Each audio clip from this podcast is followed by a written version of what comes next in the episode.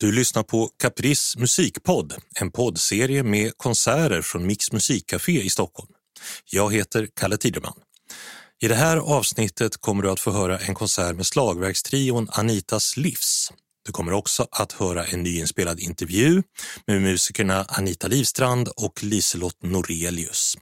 Konserten spelades in den 29 september 1993 och inleddes med en sedvanlig inmarsch.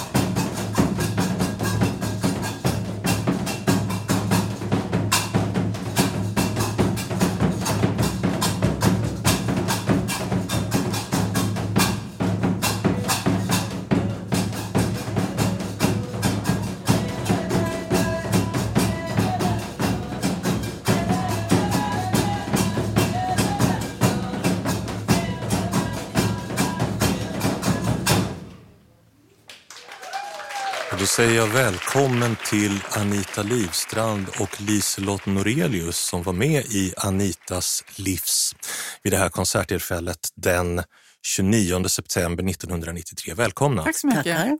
Kommer ni ihåg det här konserttillfället? Nej, inte så speciellt. Jag kommer ihåg den här eh, kaféet där nere, men jag kommer inte ihåg speltillfället faktiskt. Nej, det gör faktiskt inte jag heller. Mm. Jag minns att eh, jag var själv på den här konserten faktiskt och var, hade precis hört er skiva som heter Ugg eh, som var ganska ny då. Och eh, jag minns att ni marscherade in och slamrade med trummor så att det blev liksom som en, ni, ni gick på, började konserten långt utanför själva kaféet. Brukade ni göra det? Ja, vi brukar Ja. börja med en jojk och så trummorna till där. Mm. Så att det blir akustiskt eh, stämningsfullt. Så. Hur länge fanns Anitas livs? Jag frågar dig Anita. Ja, vi började 87, eller åt- 87 va? Vi började repa 87, hade Ja, första spelningen 88. Just det. Och sen glömde jag glömde kolla det, men jag är ganska säker på att vi hade den sista spelningen 2006. Ute på, vad heter det nu, Rosenhill. Men då var vi duo Ja, ifrån eh, 97 eller nej, 90. 98 tror 98. jag. 98 eller 99. Vid den här konserten så var ni alltså ni är två tredjedelar. Vem var den tredje? Monica Åslund. Mm. Och hur kom det sig att ni började med Anitas livs? Ja, men jag hade varit hemma och ett tag och hållit på. Jag hade sån här fyrkanals kassettbandspelare.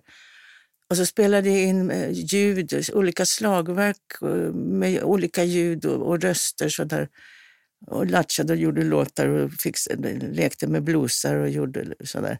Och sen så sa Liselott att hon tyckte att vi skulle sätta ihop... Ja, det var jag som pushade på att vi Ja, skulle jag- ha en slagverksorkester. För jag var så trött på att slagverket alltid skulle ligga i bakgrunden och sådär. Utan jag tyckte det skulle fronta. Liksom att det, Ja.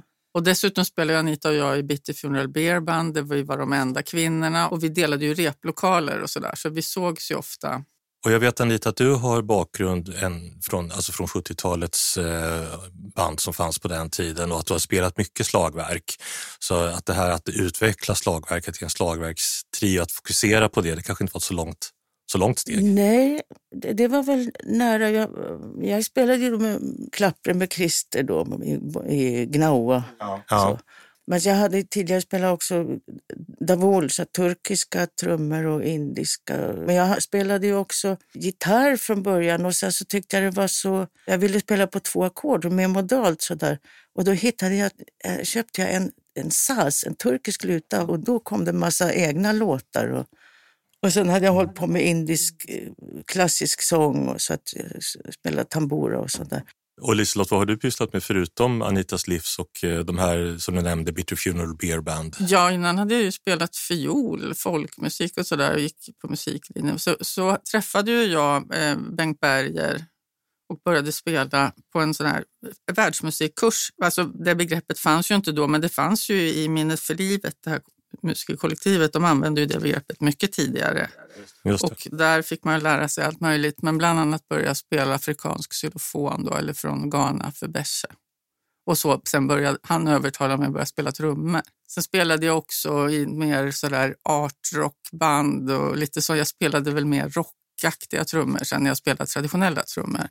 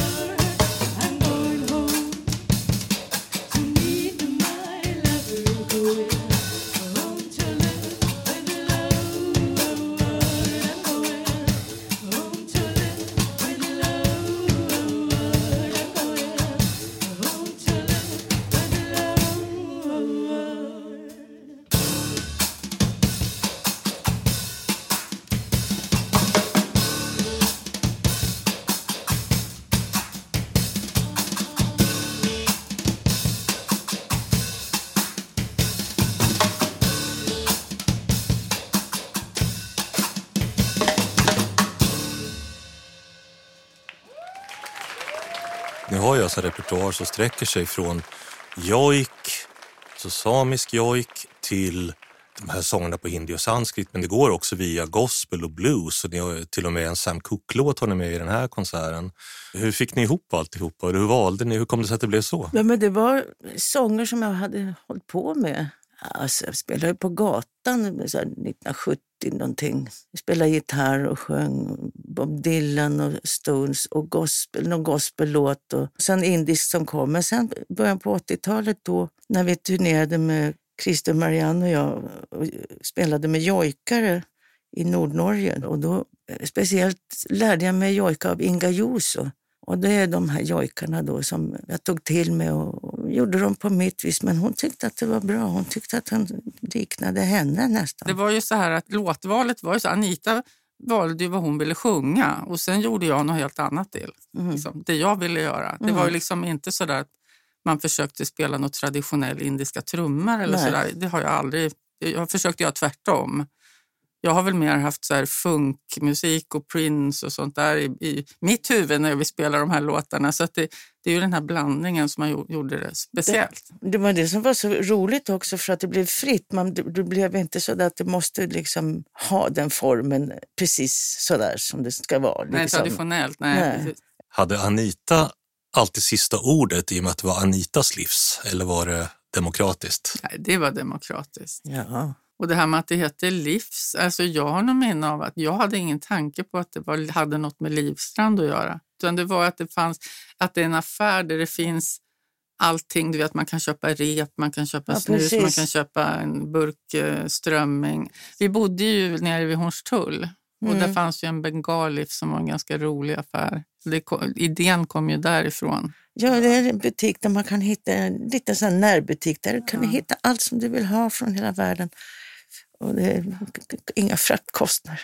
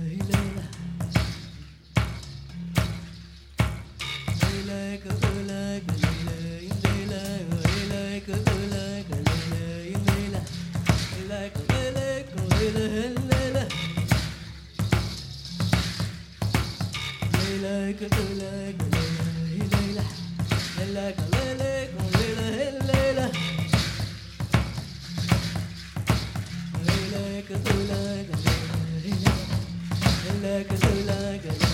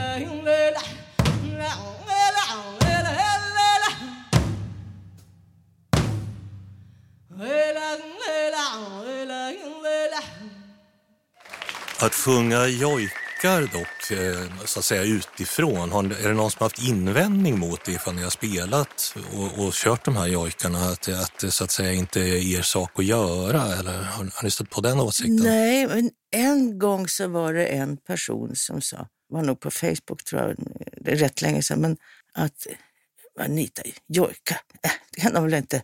Och då fick jag svar av stora trummisar och musiker. Jo, det kan de visst ja, men det är ju så här, Då var det ju ingen som invände. Men vi, jag vet att vi har pratat lite om det nu. Nu skulle det vara en helt annan sak tror jag. Mm. Kanske inte för dig som är så du har ju liksom tagit det till dig så djupt på något vis, men, men det är en annan sak idag.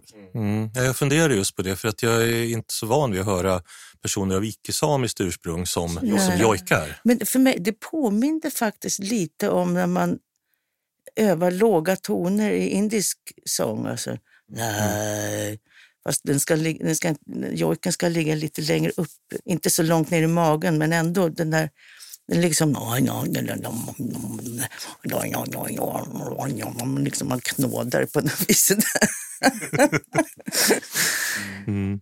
Och sen just att ni lyfter fram Bessie Smith och till och med en obskyr bluessångerska som Ida Cox.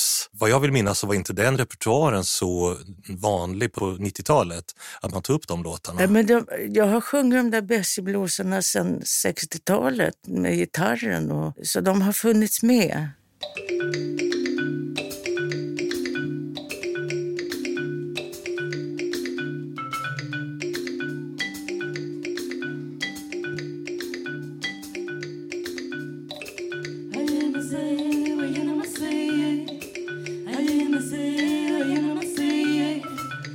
Hallelujah.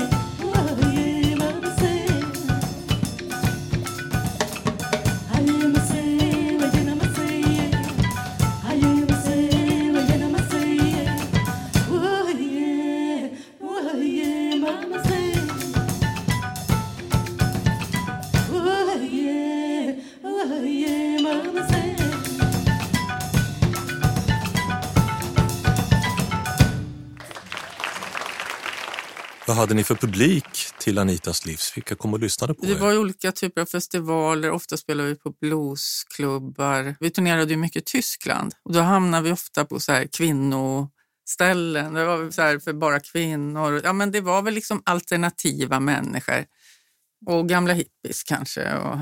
Det här att ni spelade på feministiskt inriktade festivaler, hade ni någon feministisk tanke med att ni skulle starta en slagverkstrio med tre kvinnor? Nej, alltså, det, det, bara, man är den man är och sen var det kul att vara med en annan som är som den är också.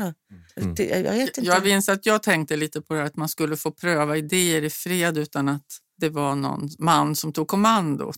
Eftersom det här var en helt ny grej, att vi skulle få testa i fred utan att någon tog över. Så det, Mm. Den tanken hade jag. Märktes det någon skillnad? Ja, det tycker jag. Det var ju många män som, det var ju, eller ja, många, vi blev ju lite då och då kontaktade av män som ville producera oss och, och ville lägga till saker och sådär.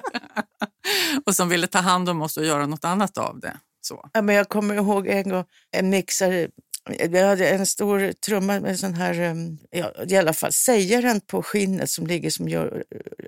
Att det skorrar? Ja. Den hängde utanför för den, ska man, den kan man dra ut och för, liksom flytta på. Ja.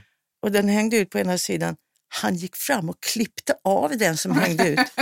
Och jag blev så förbannad.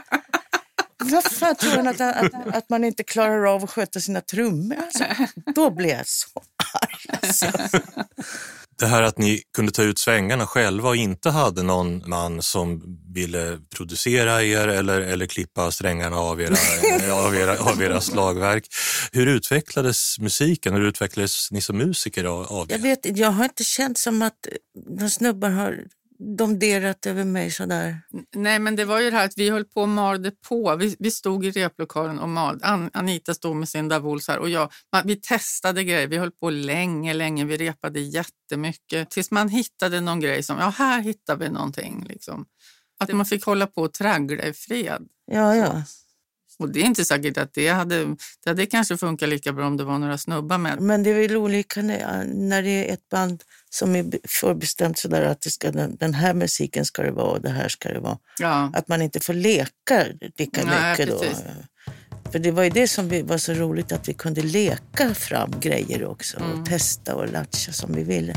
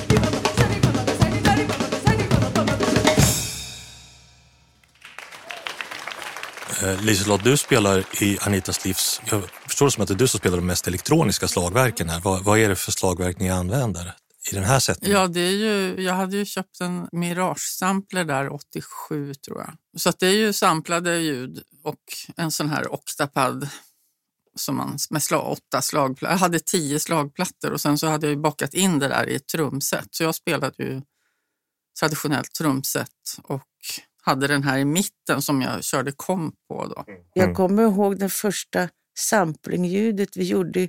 Då hade jag en sån här badsko som har lappat till en, en, en darbuka-trumma, skinnet där, med den där badskon. Var, Flip-flops? Ja, men Det- ja, grejen var att den här samplen hade ju så litet minne. Jag tror den hade 256k eller något sånt där. Eller Kanske dubbelt så mycket. Men man var tvungen att spela in på en högre, hög hastighet för att få ett så långt ljud som möjligt. Man stämde ner eh, ljudet och då var man tvungen, då var det bra att ha en medhjälpare som kunde köra attacken. Så att jag kunde trycka väldigt Ja, precis sådär. Så man fick trixa för att få in ljud i den där apparaten. Mm. Ja, det är ju, vilka fantastiska grejer ju- ljud du har fått till på den där Ja. grejen, apparaten. Ja.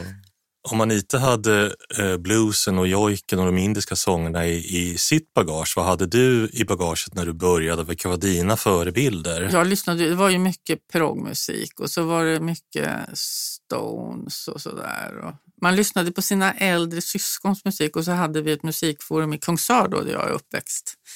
Sen vart det ju mer och mer när jag flyttade till Stockholm så upptäckte jag sån här P-funk med Bootsy Collins och Parliament. Så där. Och det gick jag igång på något otroligt. Det var liksom det bästa. Det var liksom Aldrig hört talas om. Nej, men det kände jag. Då har du det, något var, kvar. det var min grej. Det, det liksom slog an någonting i mig som jag kände, det här är min identitet. Liksom. Så. Långsam, jävligt tung funk. Liksom. Så. Var det det som fick dig att börja spela slagverk? Nej, det var ju ja, jag menar också de här eh, afrikanska instrumenten med det här surrandet, den här fina kodjil-xylofonen från Ghana. Att det surrade sådär när man spelade på den. Det var liksom något magiskt med det. Och de afrikanska trum, vi spelade ju traditionell musik från Ghana länge med Beshe. Liksom. Så nej, det var bara för att han tyckte att du skulle ju bli en så jävla bra jazztrummis. Liksom. Men jazz har jag aldrig lyckats liksom, med, det har inte varit min grej.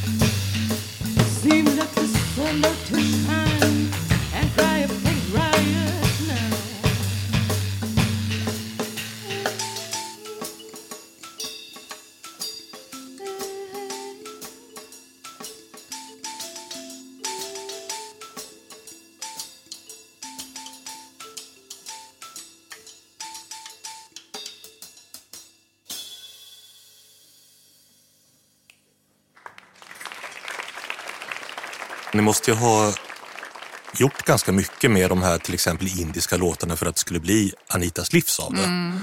Kan ni beskriva liksom den processen eller vad, hur, hur blev det så? Jag tänker så Anita sjöng, man lyssnar på en låt och så tänker man vad hör jag i det här och så hittar man markeringar i det och så bygger man upp och börjar testa saker. Och så lägger man till de här samplade ljuden och så liksom känna efter. Och sen var ju svårigheten att utveckla så att det händer. Alltså att bygga upp låtarna var ju inte alltid helt lätt och det är ju vissa låtar som inte är så uppbyggda men att kunna lägga på ett lager till och så försökte vi så gott vi kunde. Liksom. Och ibland så förändras ju låtarna också under, genom åren. Ja, ja, gud ja. Så att det liksom eh, inte lätt kanske som i början. Nej, det här är ju ganska tidigt i, i vår process. Mm. Mm. Just.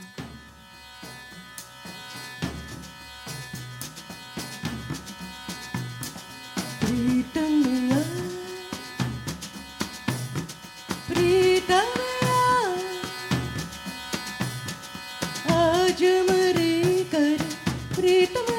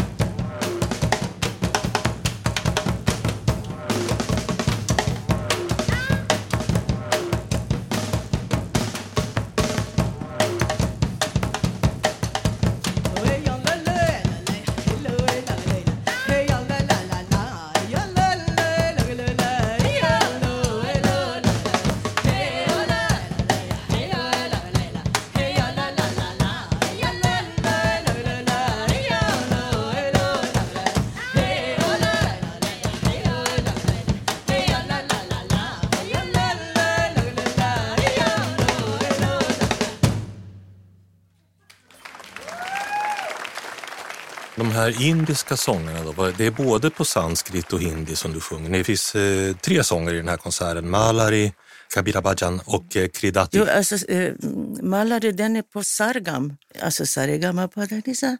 Det är alltså do, re, mi, fa, sol, la, ti, do. Okej. Motsvarar det. Mhm. Och då är den melodin, då sjunger man notnamnen så att säga på den Malari. Men sen de andra, då är det Kabira Bhajana, det är en, det är en hymn kan man säga. Bhajan är en hymn, kärlekssång till Gud på något vis, på hindi. Den är inte sydindisk, men den är sydindien. Det är Kridati Vanamali. Den är på sanskrit. Den fick jag av K.S. Ridda som är sarod-spelare som har varit i Sverige. Mm. Hans mamma, vi var ju nämligen med Bitti Funeral Beer Band och spelade i Indien på jazzfestival med det här storbandet afrikanskt. Just det. Och då träffade jag Sridars mamma där i Bombay och då fick jag lära mig den här sången om henne som hon har gjort. Du har lärt dig texterna, alltså, förstår du Nej. språken Nej. eller har du lärt dig dem Jag utantill? förstår inte språken. Enstaka ord sådär som badjan. Och, men jag kommer lättare ihåg texterna. Fast trots att jag inte förstår dem så minns jag dem bättre än en del bessisbluesar som är, man kan eh, byta mellan verserna. För, eller, ja, de glömmer jag mer än det här som jag inte förstår på sanskrit och hindi. För det sitter ihop med melodin och liksom, på något Mm. vis. Okej, så blueslåtar, där är texterna mer utbytbara, är det det du menar? Ja, på vissa ställen. Så, Ja, för ja. att det, man, där begriper man vad man sjunger. Så det, men här gör jag inte det på indiska eh, språken. Då, då, då sitter det ihop med melodin.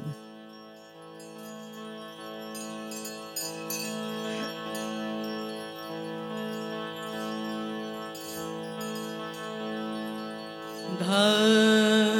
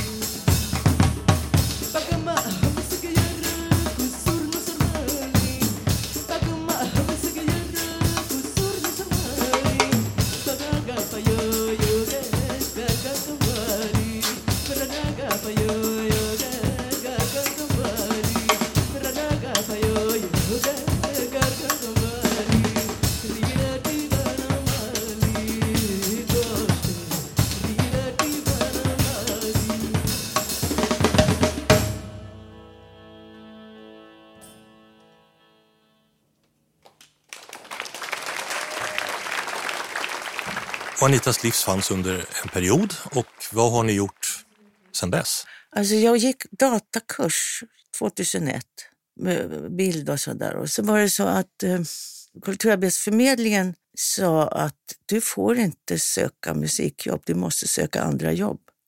Det, det var någon gång 2002 tror jag. jag. Jag fick inte, därför att jag, alltså, vi hade inte så mycket spelningar då. Så jag var tvungen att eh, söka andra jobb. Så jag blev mattant 2003 till, till 2010 på Franska skolan. Men jag gjorde ju andra grejer också. Så Mm. spelade, spelade in en, en platta med Daniel Westlund, en, en CD som heter Tandem Bridges. Det var 2013. Och lite enstaka grejer sådär, men, men jag hade, det var ingen band då för att då, vi var Ja, vi fanns ju kvar och spelade någon gång om året. Ja. Liksom. Yrkesförbud kändes det som. Mm. Nej, Det var några år där de var för jävliga på, på Ja. Kulturarbetarförmedlingen. Ja, nej, men jag gick ju en helt annan väg. Jag, gick, jag bestämde ju att jag skulle gå på Musikhögskolan.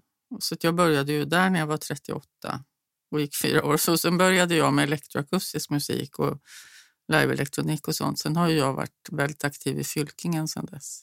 Jag känner till någonting som heter syntjuntan, var inte du Jo, inblandad i då, absolut. man sydde sina syntar. jo, precis. Nej, men det har varit mycket annat de senaste 20 åren.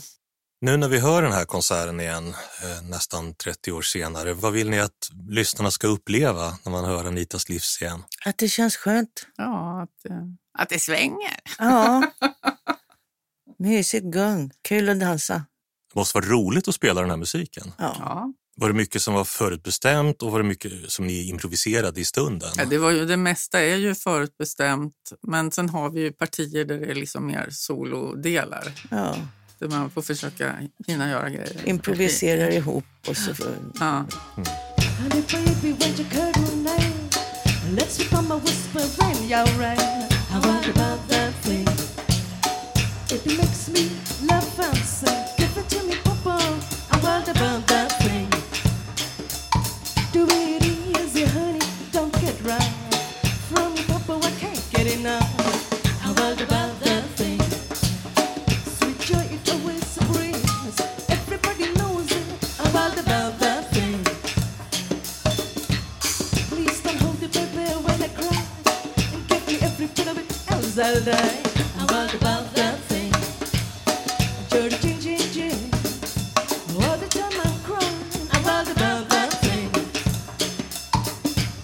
What's the money, Papa? Please don't stop.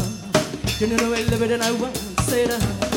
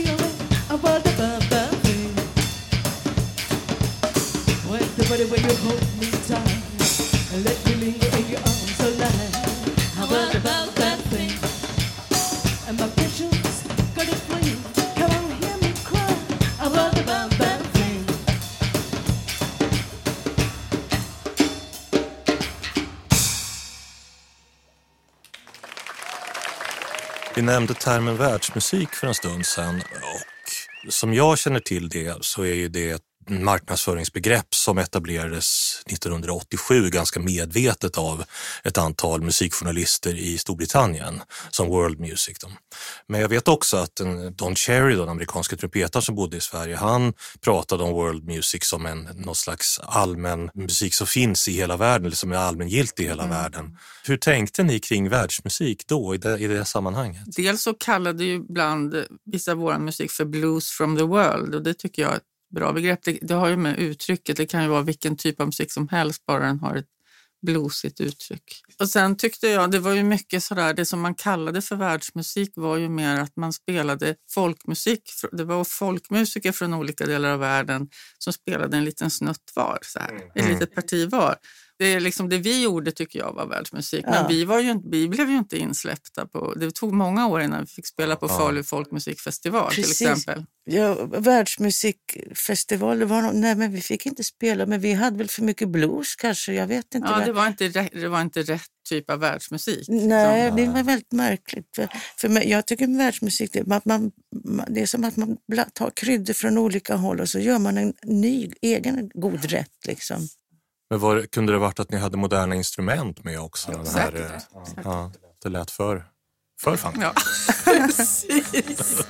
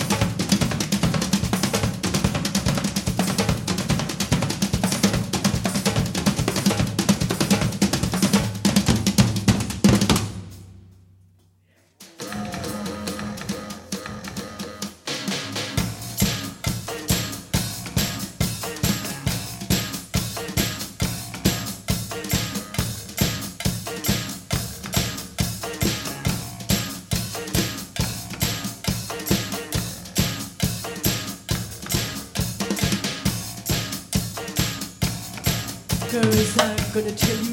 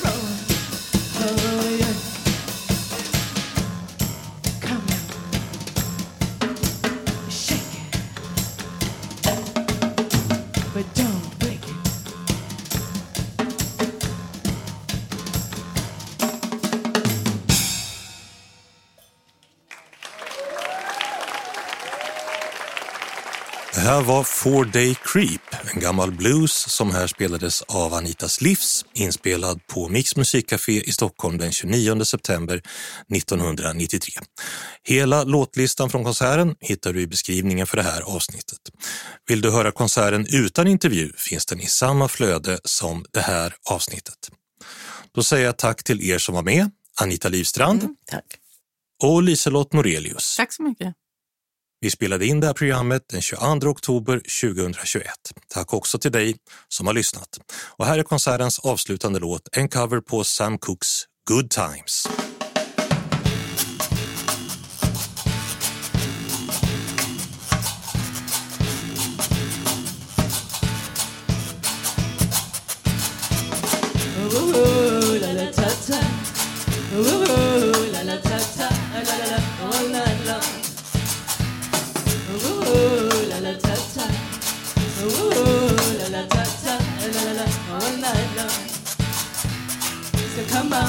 The good times roll. We're gonna stay till we soothe our souls. So we take all night long. The evening sun is sinking low. The clock on the wall says it's time to go. I to my friends, I don't know about you. I tell you exactly what I'm gonna do. The and let the good times. We're gonna our souls. All night long. It might be one o'clock, but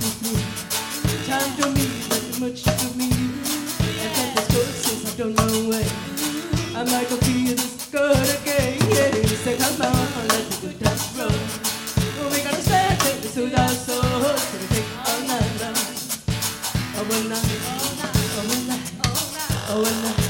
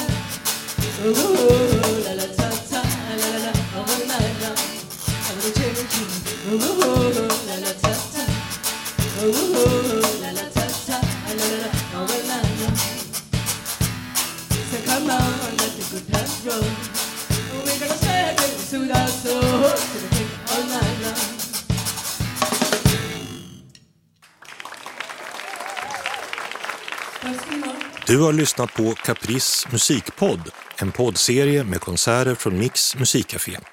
Jag heter Kalle Tideman och producent för avsnittet var Daniel Sävström. Caprice musikpodd produceras av produktionsbolaget Filt i samarbete med musikbolaget Caprice.